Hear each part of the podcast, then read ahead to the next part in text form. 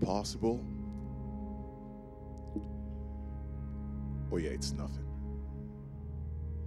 You see, that's what the commercial is preaching a place where being something might seem utterly impossible. Or we forget to reach for the stars as we get so freaking comfortable in between our sheets and our cars. And when things fall apart, I need you to remember that you are not mediocre, rather, you are just fantastic.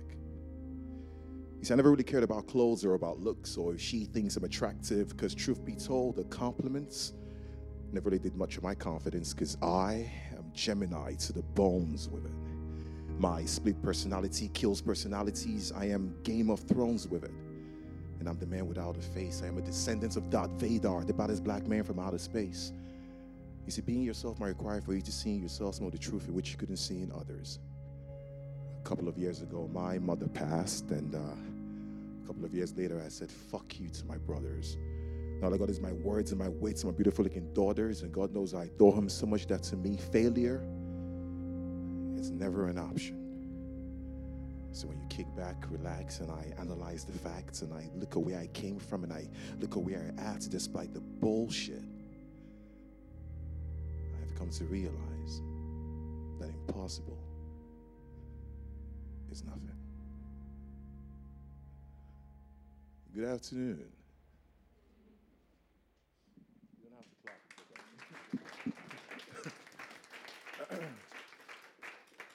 um, I go by the name of Dorian's Grave, and uh, some people call me Michael. And uh, today we're going to do something different. Uh, I don't know. I, uh, I run the slam poetry scene here in Bergen. I'm a slam poet, uh, contemporary artist, musician, whatever, name it.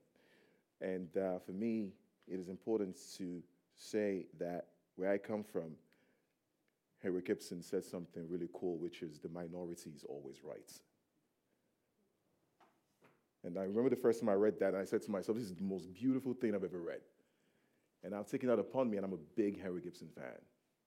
And I took it upon me, and I took that, that line, and it went on, and it was, it was how, how the definition of activism can be actually where we say activism is the rent we pay for living on this fucking planet. I'm going to be cursing. I hope that's okay. Cool.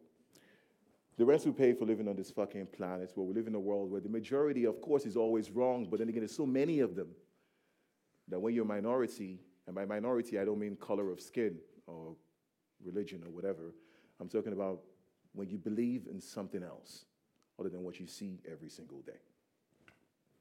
The majority is therefore always wrong.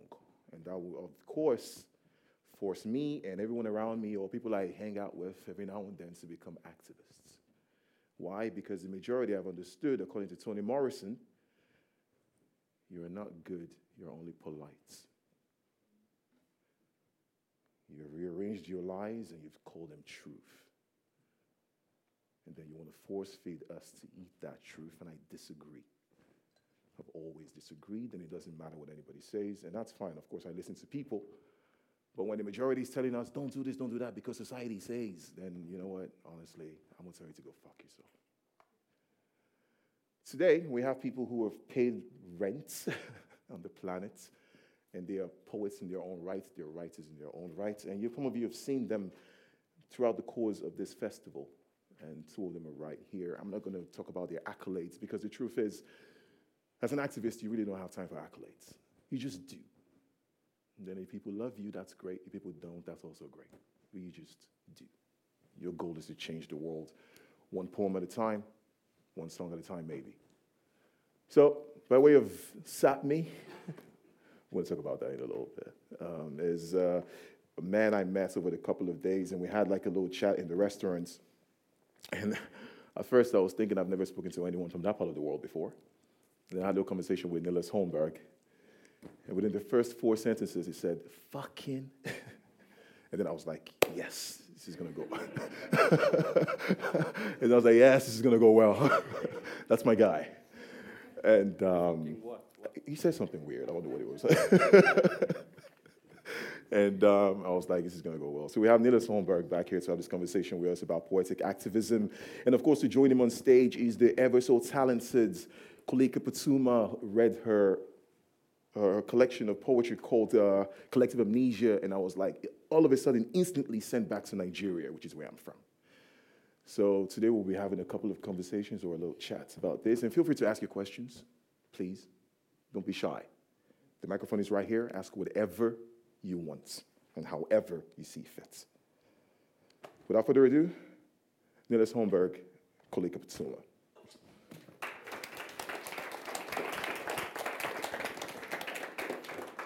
All right, how's it going so far? Where? You know, What? everything. everything. Norway festival performance. Great festival. Yeah. Yeah, great festival.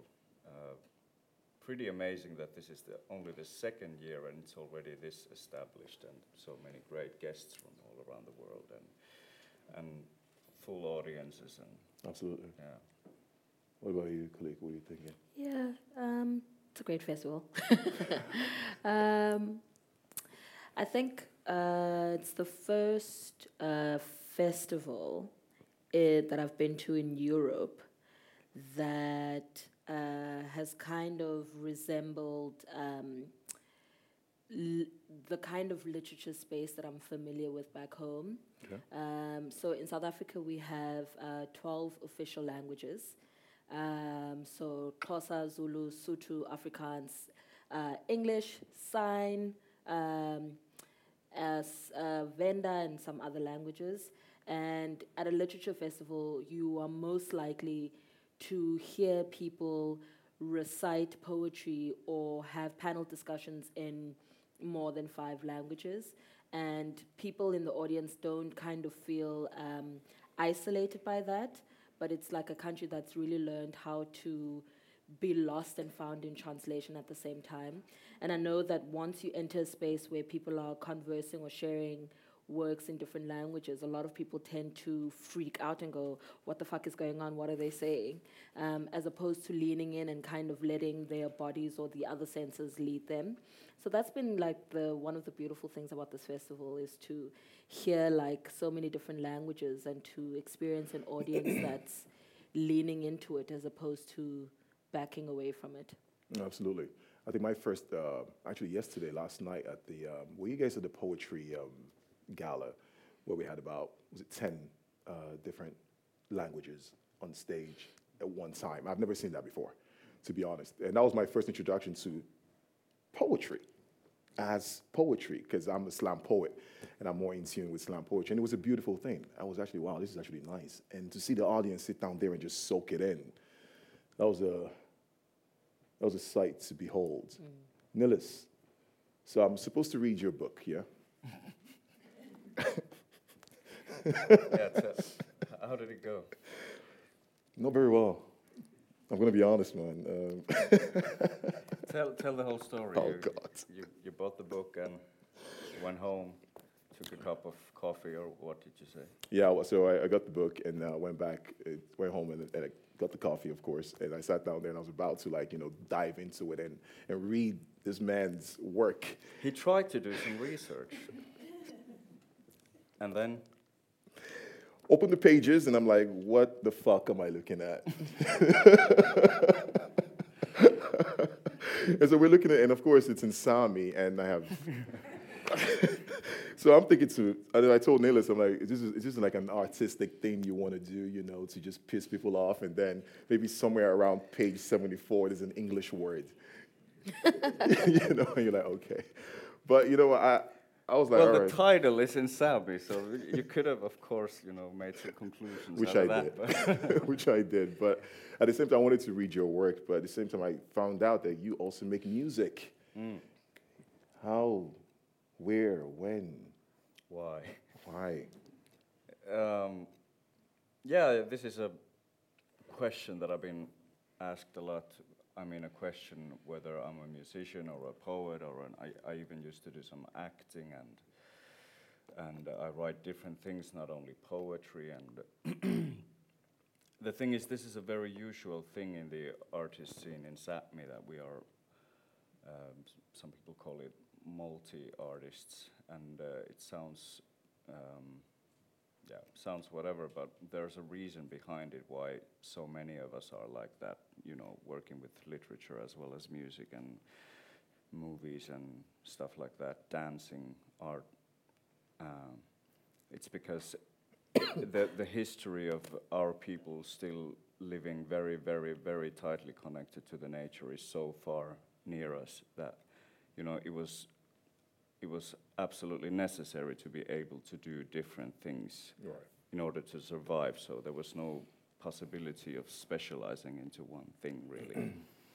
so I think that's a reason why me as well as maybe even majority of Sami artists don't just do one, you know, genre of art right or whatever. They they do many things. So there's diversity in the art scene in uh, Yeah, yeah, yeah. And this is this is something you don't have to explain in Sápmi, but when you go outside of Sápmi, you have to, you know. Yeah, in Norway, I have to Yeah. explain it actually, Mm. so you know. and Koleka, you um, you know, you write, you you're a theater director. You know, how do you balance? You know, how do you do you get? Does your family get involved and ask you that question? You know, that African question, like Koleka, you have to choose one thing. Which one are you doing? Are you, uh, you know?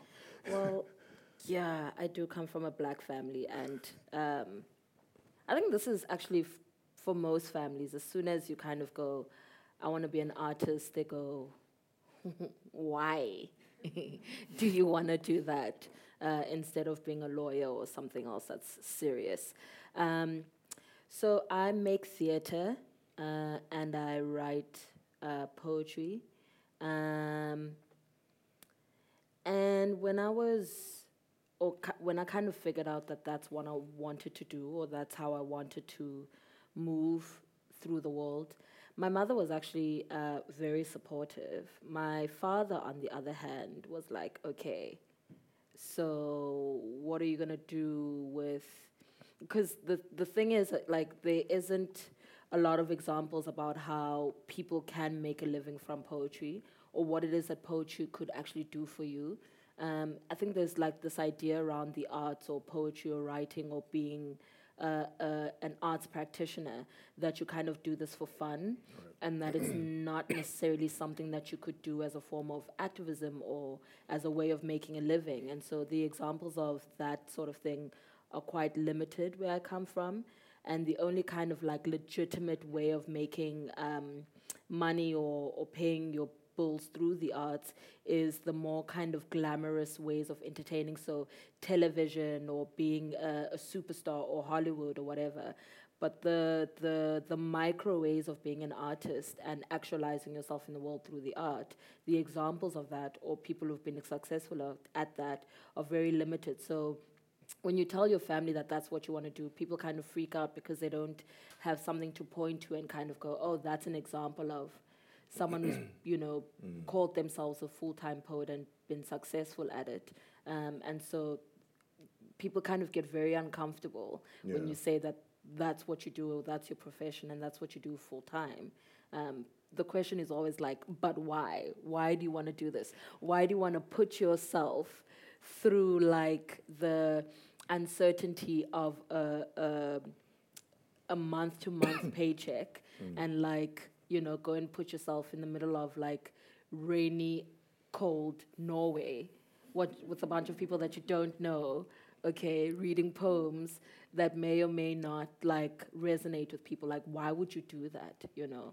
Um, and I think like from um, I don't know, I guess in many ways I was fortunate that from a young age I was kind of very clear about what, um, depending on what you believe in, but I believe in this, that this was my calling in a way, right. and that I was kind of, if we are to talk about purpose, that I was kind of put on this earth to engage with words and to connect with people using words. Um, and so I use words in the theater that I make and I use words in the poetry that I do. And so I know that, like, I don't know what my purpose is fully, but I know that it has to do with, like, saying shit in some way.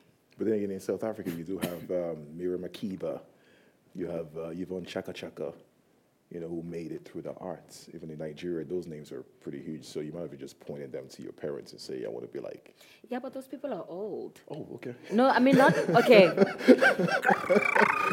Took you back? no? reverse that carpet.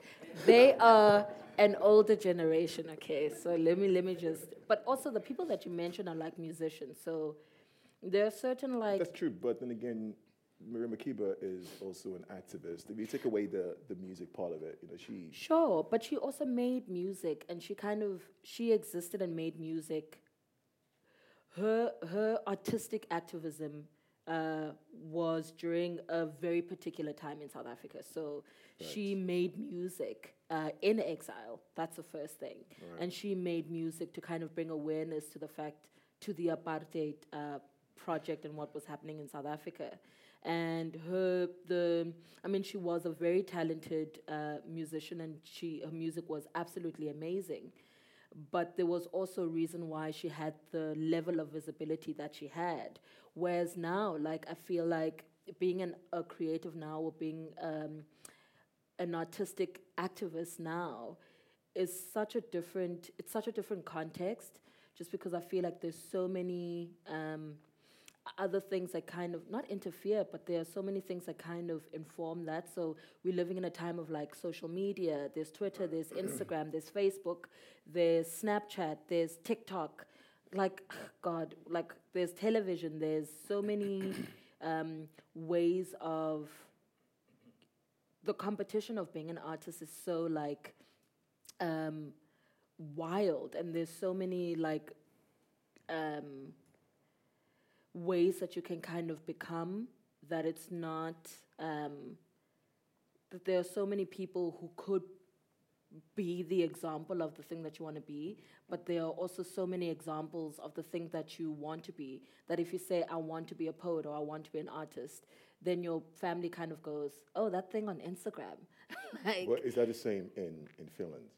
Or in Sami, sorry. Uh, in Sapmi, well, yeah, I, I really relate to what you said, and I mean, being an, if you want to call an, me an activist, so be it. But but doing what I do, I mean, it involves so much like grassroots work and and and spending time learning the, spending time with elderly people, elders, learning the traditional knowledge, and uh, I mean, as you said, there's so much else that needs focus than than you know uh, things that could make you popular and and and uh, and uh, you know m- help you to reach as as much people as possible. I mean, there's so much else that needs focus, and uh, to be completely honest. Uh, I mean, it's almost always, for me, with my taste of art, a bad sign if you're very, very popular. I mean, it's I can relate to that. Mm. Um, but then again, is it could it be that you know we do what we do as a result of that you know sense of freedom? You know, the type you don't get in an office. If you did a regular job, if you woke up at nine o'clock and went home, clocked out at three o'clock or something, and that's a price I feel like we pay. Is that what I mean? That freedom is that what keeps you going, or does it hurt you sometimes that you want to just? Well, I don't know. Recently, I've I've woken up at eight and started writing at nine and written until it's five. So it's Okay. so you, in a way, transformed your, your, your passion into a career of sorts. yeah. Well, the, what I mean is that I use the freedom, if you want to call it freedom, to to work this almost the same hours as other people's work as well. So. Fair enough. We've got to pay the bills somehow. Mm. Um, but then I, I was, going to ask you guys a question. What, what inspired you? You know, where did this all start? What was the? I feel like something happens in a life, in a, in human being, and then you just turn into this.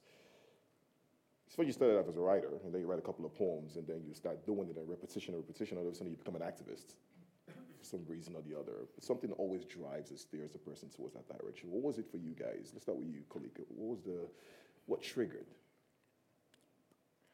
Um, so I started writing when I was 14.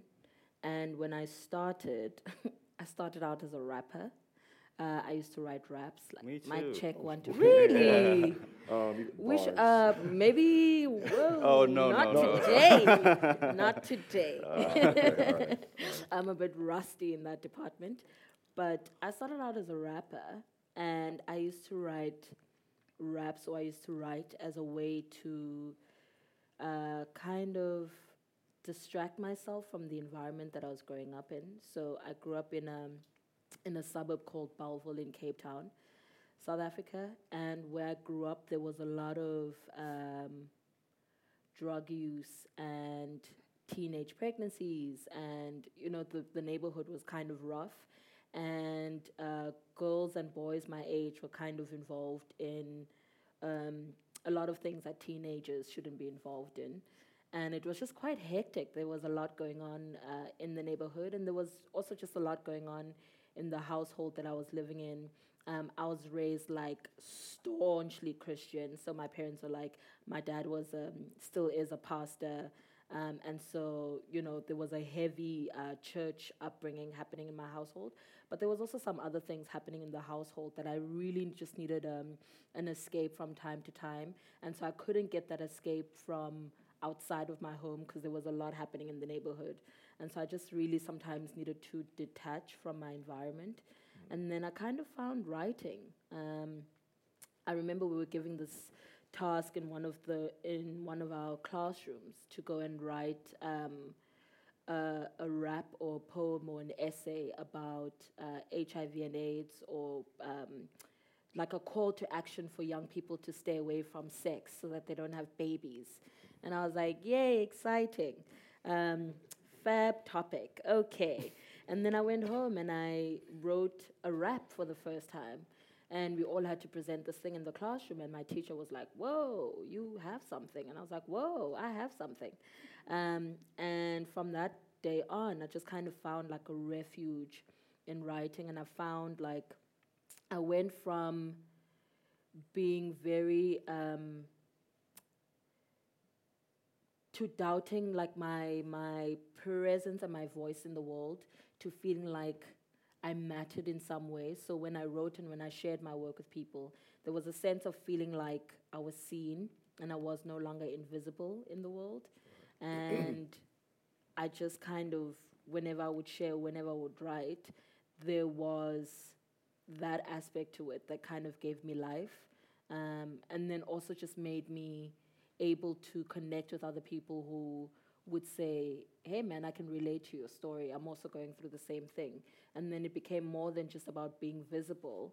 And then it became about connecting with other people who shared similar stories to mine. Right. And then later, the, the rapping kind of, I came out of the rapping and started to write poetry or started to become writing what I would know as poetry. Is that the same for you, Niillas? How was your what triggered for you? What was it into the game? Yeah, it's many things. I cannot just mention one thing. One thing for sure is my upbringing, my family. Um, when I was, um, first of all, the surroundings, the whole village um, area where I grew up, it's a village of 500 people uh, in a river valley. Um, and I grow, grew up, when I was under the age of 10, I around, I, all I wanted to be was an fisherman or a reindeer herder. So I wanted to do the traditional, uh, practice the traditional livelihoods. But the thing was, my parents, uh, when they grew up, they sort of chose the the more um, cultural uh, path on an academic level, maybe. Mm. So so, and uh, and uh, they were both activists uh, to some extent. they grew up defending the rights of our people and and um, so when I found out that I won't become uh, a reindeer herder or a fisherman in the in the traditional way as, as as children do when they grow up they have parents who work and, and it automatically transfers to them mm. when I found out that that's not going to be the case for me I was first very angry but then I think simultaneously somehow there was this this um, desire to, to express myself through art. I grew up around rooms full of books and uh, Sami music playing, and also many artists uh, living in the village. And then, uh, yeah, I grew up with this yoik thing um, to some extent, Um, but then uh, when I was 12 or 13, this rap thing started to become big. It's rap thing. Even in even in Utsjoki. What, what was the first record you heard? What was your first hip hop record? I want, I want to hear That what was probably Nellis- something very bad, uh, something very bad Finnish rap. But the first thing that really, really, really switched something on was Tupac. Yeah, There you that go. also came to my mind. Mm. There you go. I, I thought it because I, I, I had to ask the question because I feel like most times when I meet these poets, act, the activists and poets and all that, it's always that, and it's a hip hop, right? Like when I speak to like Tara, uh, Tara Cooper or Staceyann Chin, and it's like, oh, it's hip hop. And all right, which hip, what did you listen to? Is it a Public Enemy or it's Tupac Shakur? Mm. But it's crazy to think how Tupac Shakur actually came to. How, how did you did you? Because I, I find it crazy sometimes when uh, music coming out of uh, Los Angeles is resonating all the way to a village of 500 people.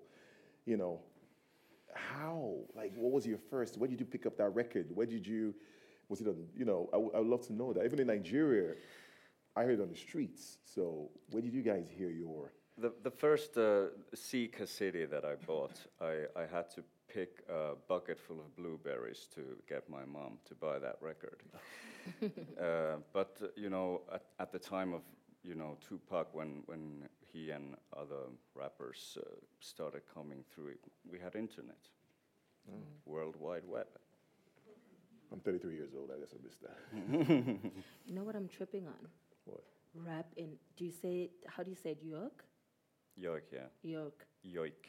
How do you rap in York? At the same time? No, Or- rap in York. Um, yeah, that's a, there's a gap, right? Sorry, it's just, um, yeah. Yeah, I mean that's an interesting thing because uh, when you you know you become a teenager and all this traditional stuff that has been preserved uh, and taught to the kids as uh, me suddenly that doesn't feel interesting at all. I, I didn't care shits about yoik when I was 12 or 13 or 14. But then eventually my, my dad, wise man that he is, started playing some, I guess he realized that I started, you know, uh, instead of just, uh, you know, finding inspiration from lyrics, I started getting something from melodies. He started playing me John Lennon LPs and, and Beatles LPs. And, and then I started, suddenly I was playing a guitar, making songs. And uh, from there, it was not such a long journey back to the yoik, so circle. Circuit back. But anyway, all these people, Tupac and uh, Nils Aslak Valkeapää, the greatest uh, uh, Sami artist who also yoik, and uh, John Lennon and Bob Dylan, who was also a big inspiration. They were all rebels. Mm. But this when I because when I think about um, poetic activists, um, the story sometimes is like, you know, I, I read about people who've been through a lot of things, you know, mentally, physically, as a result of where they're from, society, family, friendship gone bad, you name it, and it's just like, why? Why do we? I, I feel like we have this. We owe it to society to be altruistic in the sense of like we're fighting against something you know, suppression, oppression, depression, you name it, you know, but we have to, we do it all the time. Why do we feel like we need to carry on doing that? Um, I think it's different for different people. I know that in in in the work that I do, and in the work of some of the people whose work that I really like, the okay, so being a a, a queer black woman who's living in South Africa at the moment, and uh, in a in an environment where um, femicide specifically is at its all-time highest. So the the murder and, and the rape and the kidnapping of uh, particularly black girls is at its all-time high in South Africa. Um, that shit is so depressing, and it's so it can it can really like mess with your sense of um, self and your sense of safety um, and your sense of being in the world. I know that in the last couple of years, I've been trying to or wanting to be more intentional about creating work that centers joy or centers the alternative narrative about black girls that doesn't see them kind of particularly in the theater space or in poems like see them murdered all the time or see them you know mm. in roles of like servitude or see them like as maids or, or cleaning people's houses or kind of at the oppression of men or, or white people. So I think I've kind of trying to be for myself to make work that really centers like the joyful experience or the experience that people don't get to hear about or see about the the black girl often like you know things about the fact that we also like to get our nails done we like to go to the club we like to get shit faced wasted we like to Smoke a joint. we like to smoke weed. Mm-hmm. Good God, Netflix and chill, you know. And so, like those very random and seemingly mundane activities or things that you kind of are normalized in, particularly in the white experience, are not often normalized in the black experience, just because the the the narrative that sells or the narrative that's popular is about the trauma, is about the, the sadness and all the other stuff. And so it's become really important to make theater and to make work that shows the, the other narrative for me. And what about you, Niillas? Mm, yeah, um, pretty much the same what she says. I mean, uh, to put it in perspective, my I just inherited my grandmother's place, which is uh, uh, um, um, a, a place right uh, next to the. It's on a on a bank, river bank of Deatnu River, the transporter river between Norway and Norway and Finland, in Sápmi.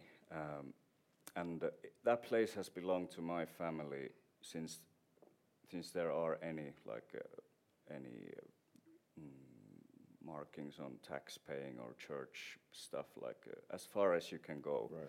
through archives and there's uh, in the 80s there were archaeologists who made researches there and uh, they found out that it's been inhabited for 6400 years now coming from there uh, having learning yoiks of my grand grand grandmother and grand grand grandfather who stayed in the very same place, fished the very same waters as I did, and being that way connected to my ancestors and everything. When there's people in Helsinki and in Oslo telling me what to do there and what not to do there, don't fish there then and then, that sort of makes me, yeah. So, which means that you use your art as a way to convey the frustrations you have inside of you, or and hope that the world will listen, and people who feel the same way might form a movement and say, "This is it. We're, not, we're going to fight against some kind of oppression of sorts." It leads to that somehow. you know? It's yeah, it's it's um, a lot of it is external, but it's also internal. I mean, it's at the same time it's always about growing as a person and growing as a human being, and and sort of it's always the holistic Yeah. take on everything. Mm, I was going to say that. I mean, I think it's about expanding your own uh, perspective or view of yourself Right. and your view of the world, but also just connecting with other people in hopes that their view of what they perceived your world to be will expand as well. Um, I don't know these people. They don't know me. We seeing each other for the first time, and so for I'm sure that if I were to engage with one of the people sitting here about where they come from in their story, I w- my perspective of what I thought that who they were and where they come from will start to expand a little bit, and my you know when we when I write or when I share, it's my hope that where you think I'm from or who you think I am, that your perspective on that will start to expand a little bit, and that will make room for us to start to have a conversation, not from a preconceived idea, but from that little bit of space opening up for us to really engage on. Is that how you fight really the are. system at B, as a minority, for example? Um, yeah, I think like at the heart of being able to move forward in in some ways is dialogue. I think we don't talk nearly as much as we should as people, or or have we don't talk nearly as much as we should, and I don't think we don't listen nearly as much as we should as people.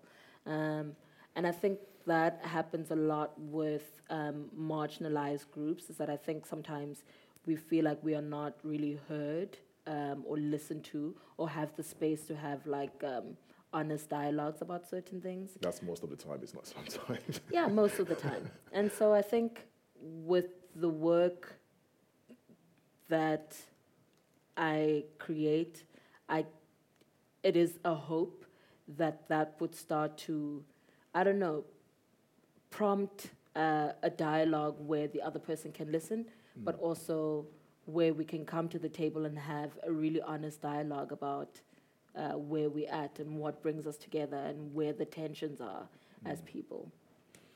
Uh, I have a question. As, as artists, when you, when, you, um, when you write a book or, or design a play and whatnot, are you worried about if a lot of people are going to see it or read it? Or are you just worried about, or do you only care for that one person who probably read page number three and was like, yes, this changed my life? I worry about my family. Yeah? Yeah. uh, I think because the opinion matters the most. And I kind of, at the heart of what I try to do for myself, never mind other people, is to kind of challenge the, the silence that happens, particularly with a lot of black families and with a lot of in in in a lot of our societies in South Africa.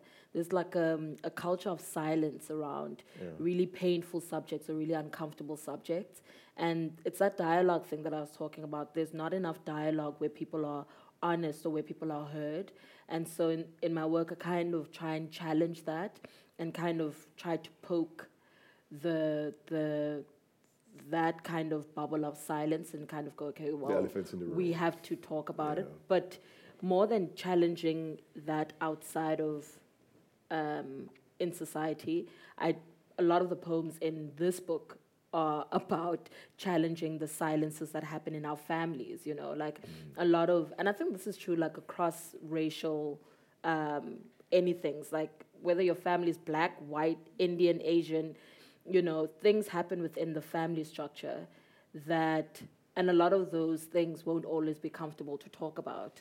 And there's, there, in many families, there is the culture of silencing. And so sometimes I write things, and it's not, I care a lot about what my family will say or feel or think when they pick up the things that I write. Is it easier to write a book than it is to write a song or a play? Which is easier? Uh, it's, I mean, there is no generalization to that. But I, I was, to the former question, I don't f- think that I, I'm worried about what certain people will think. But I do find myself in a dilemma very often when it comes to, you know, straight up artistic expression, because in order to, to you know, write in a way which which is sure to go through to, to communicate. I should r- write in a certain way, as very often um, very straight, uh, so that it's n- necessarily not very, very, very poetic, if you know what I mean. But uh, growing up like I did, reading reading books and reading poetry and being in a way, I mean, there's a nice saying by um, Gary Snyder, my uh, my. He, he said something like, "I picked my grandparents from a bookshelf." So those so those are also great teachers and uh, and they leave a mark. So so reading modern poetry for 15 years kind of makes you not want to say things very straight on, like in a simple way. That sort of. So I I really really. Yeah, there's a dilemma between between doing things in my in an artic- artistic expression which is natural for me and and sort of um, making sure that everyone understands what I'm saying. For me, it's the opposite. Um, I, I just, I, I love reading when it's straightforward, you know what I mean? Like James Baldwin, for example, to me, that's sort of the, that's my high and mighty right there, you know, and just very, very brutal, you know, where he says something about being, being black and being relatively conscious is to be in a constant state of rage. I use that all the time here in Norway because people say I'm always angry and a nice guy, I swear to God. Uh, so what's next for you guys? What, what are you doing after this? Are you doing a play or are you releasing another book? I go to Oslo tomorrow. And then beyond that, I don't know. Enough. But uh, I go back home on Wednesday. Um, I wrote, there's a poem in here called um, No Easter Sunday for Queers. And uh, it's a letter to my dad, who I told you is a, is a preacher. Um, and it's about the crucifixion of Christ and likening the crucifixion of Christ to the murders of lesbian women in South Africa and asking my father if, you know, he would, if I were crucified like Christ, would he kind of preach about me? So, anyway, the poem in here I've adapted into a play. By the same name, so No Easter Sunday for Queers. So, when I go back home, that's kind of the focus, um, is that play, and uh, it's going to open to the public in April. Already? Um, Yes, like now. God. Why did you ask this question? I was so happy. I was in Bergen, having beer, pretending I don't have emails, and now, like, Reality. reality. But yeah, we'll face that on Wednesday. All right, fair enough. What about you, Nicholas? What's the plan? I'm gonna go home and write a lot. I'm working with a feature film. My partner is a film director, so we work a lot. How does that work out, by the way? I mean, she. Don't you want to kill each other sometimes? I think know? we went through this a couple of days ago. Yeah, I'm to bring it up again in front of the audience so they can hear Yeah. it. So that and um, I'm writing my own stuff. Uh, uh, don't want to talk about that too too much yet, but I'm also working on several different music uh, projects, which I haven't been that active musically the recent years because I've been I got tired of traveling and uh, and doing gigs and, and sort of I wish I had your problem. yeah, um, for several different reasons, I didn't want to travel as much anymore. So I focused on working at home, writing stuff, creating material. And soon, I think, maybe in a year, uh, I will be more on stages again. Okay. Not that I want to travel much uh, still, but, but, but anyway, there's music productions that will be released in some time. Looking forward to hearing it. Any questions? Is that for me or for? No, you answer Everyone. that question. Sure. I don't. You can, you I, for me, I, you I can- think it's, al- it's usually taken out of a context, for sure. Um, obviously, there are evil minorities everywhere, obviously, for sure. But then again, I think it depends on the context we're talking within, right? If you're an artist and you stand for the underground, for example, you're usually almost, now I'm talking in the arts world, you're usually almost overseen and not even heard at all, most times. And it doesn't mean because you're in the underground, you're a great person, you know? Of course, you can be evil, that makes sense.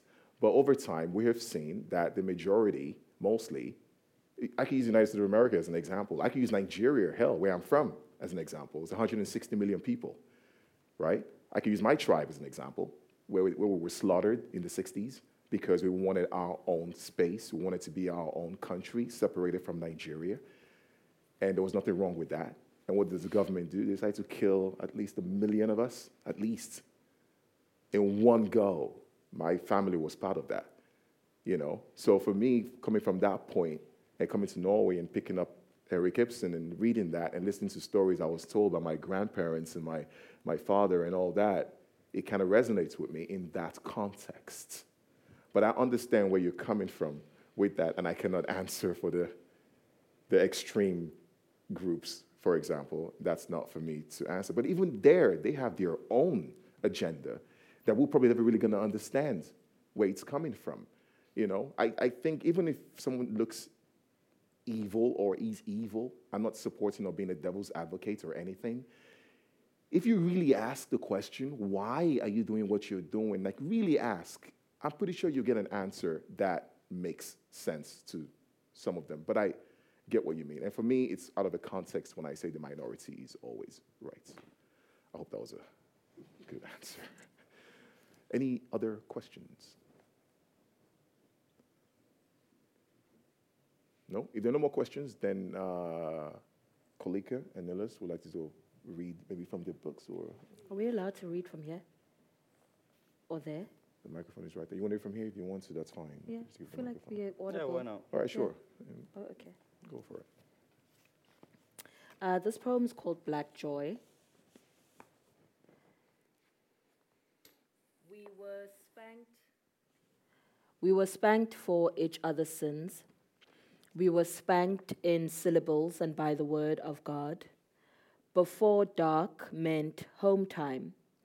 My grandmother's mattress knew each of my siblings and cousins and the neighbors' children's morning breath by name.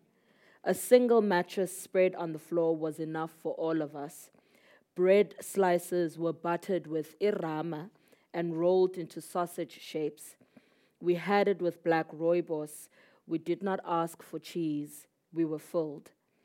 My cousins and I, we would gather around one large bowl of umngusho, each with their own spoon. Sugar water completed the meal. We were home and whole.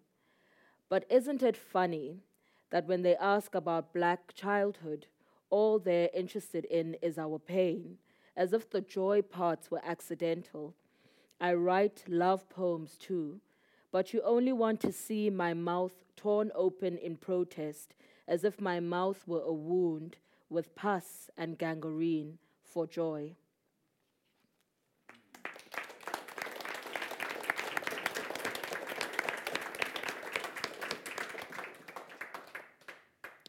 All right. I'm going to read two since they are very short ones. I've never been caught unaware by dusk. As a boy, I smelled the branched lightnings of birches, and as we played hide and seek, some of us got seen with our memories of light. A wordless matriarch gently sways in a rocking chair, creaking like an oarlock. She knows what she's doing. With every stroke, the boat floats closer, closer. I'd like a story, but she's weary and retires like the night mist separating from the river. I tend to the fire and sit in the chair. The boat warms me. God is a verb.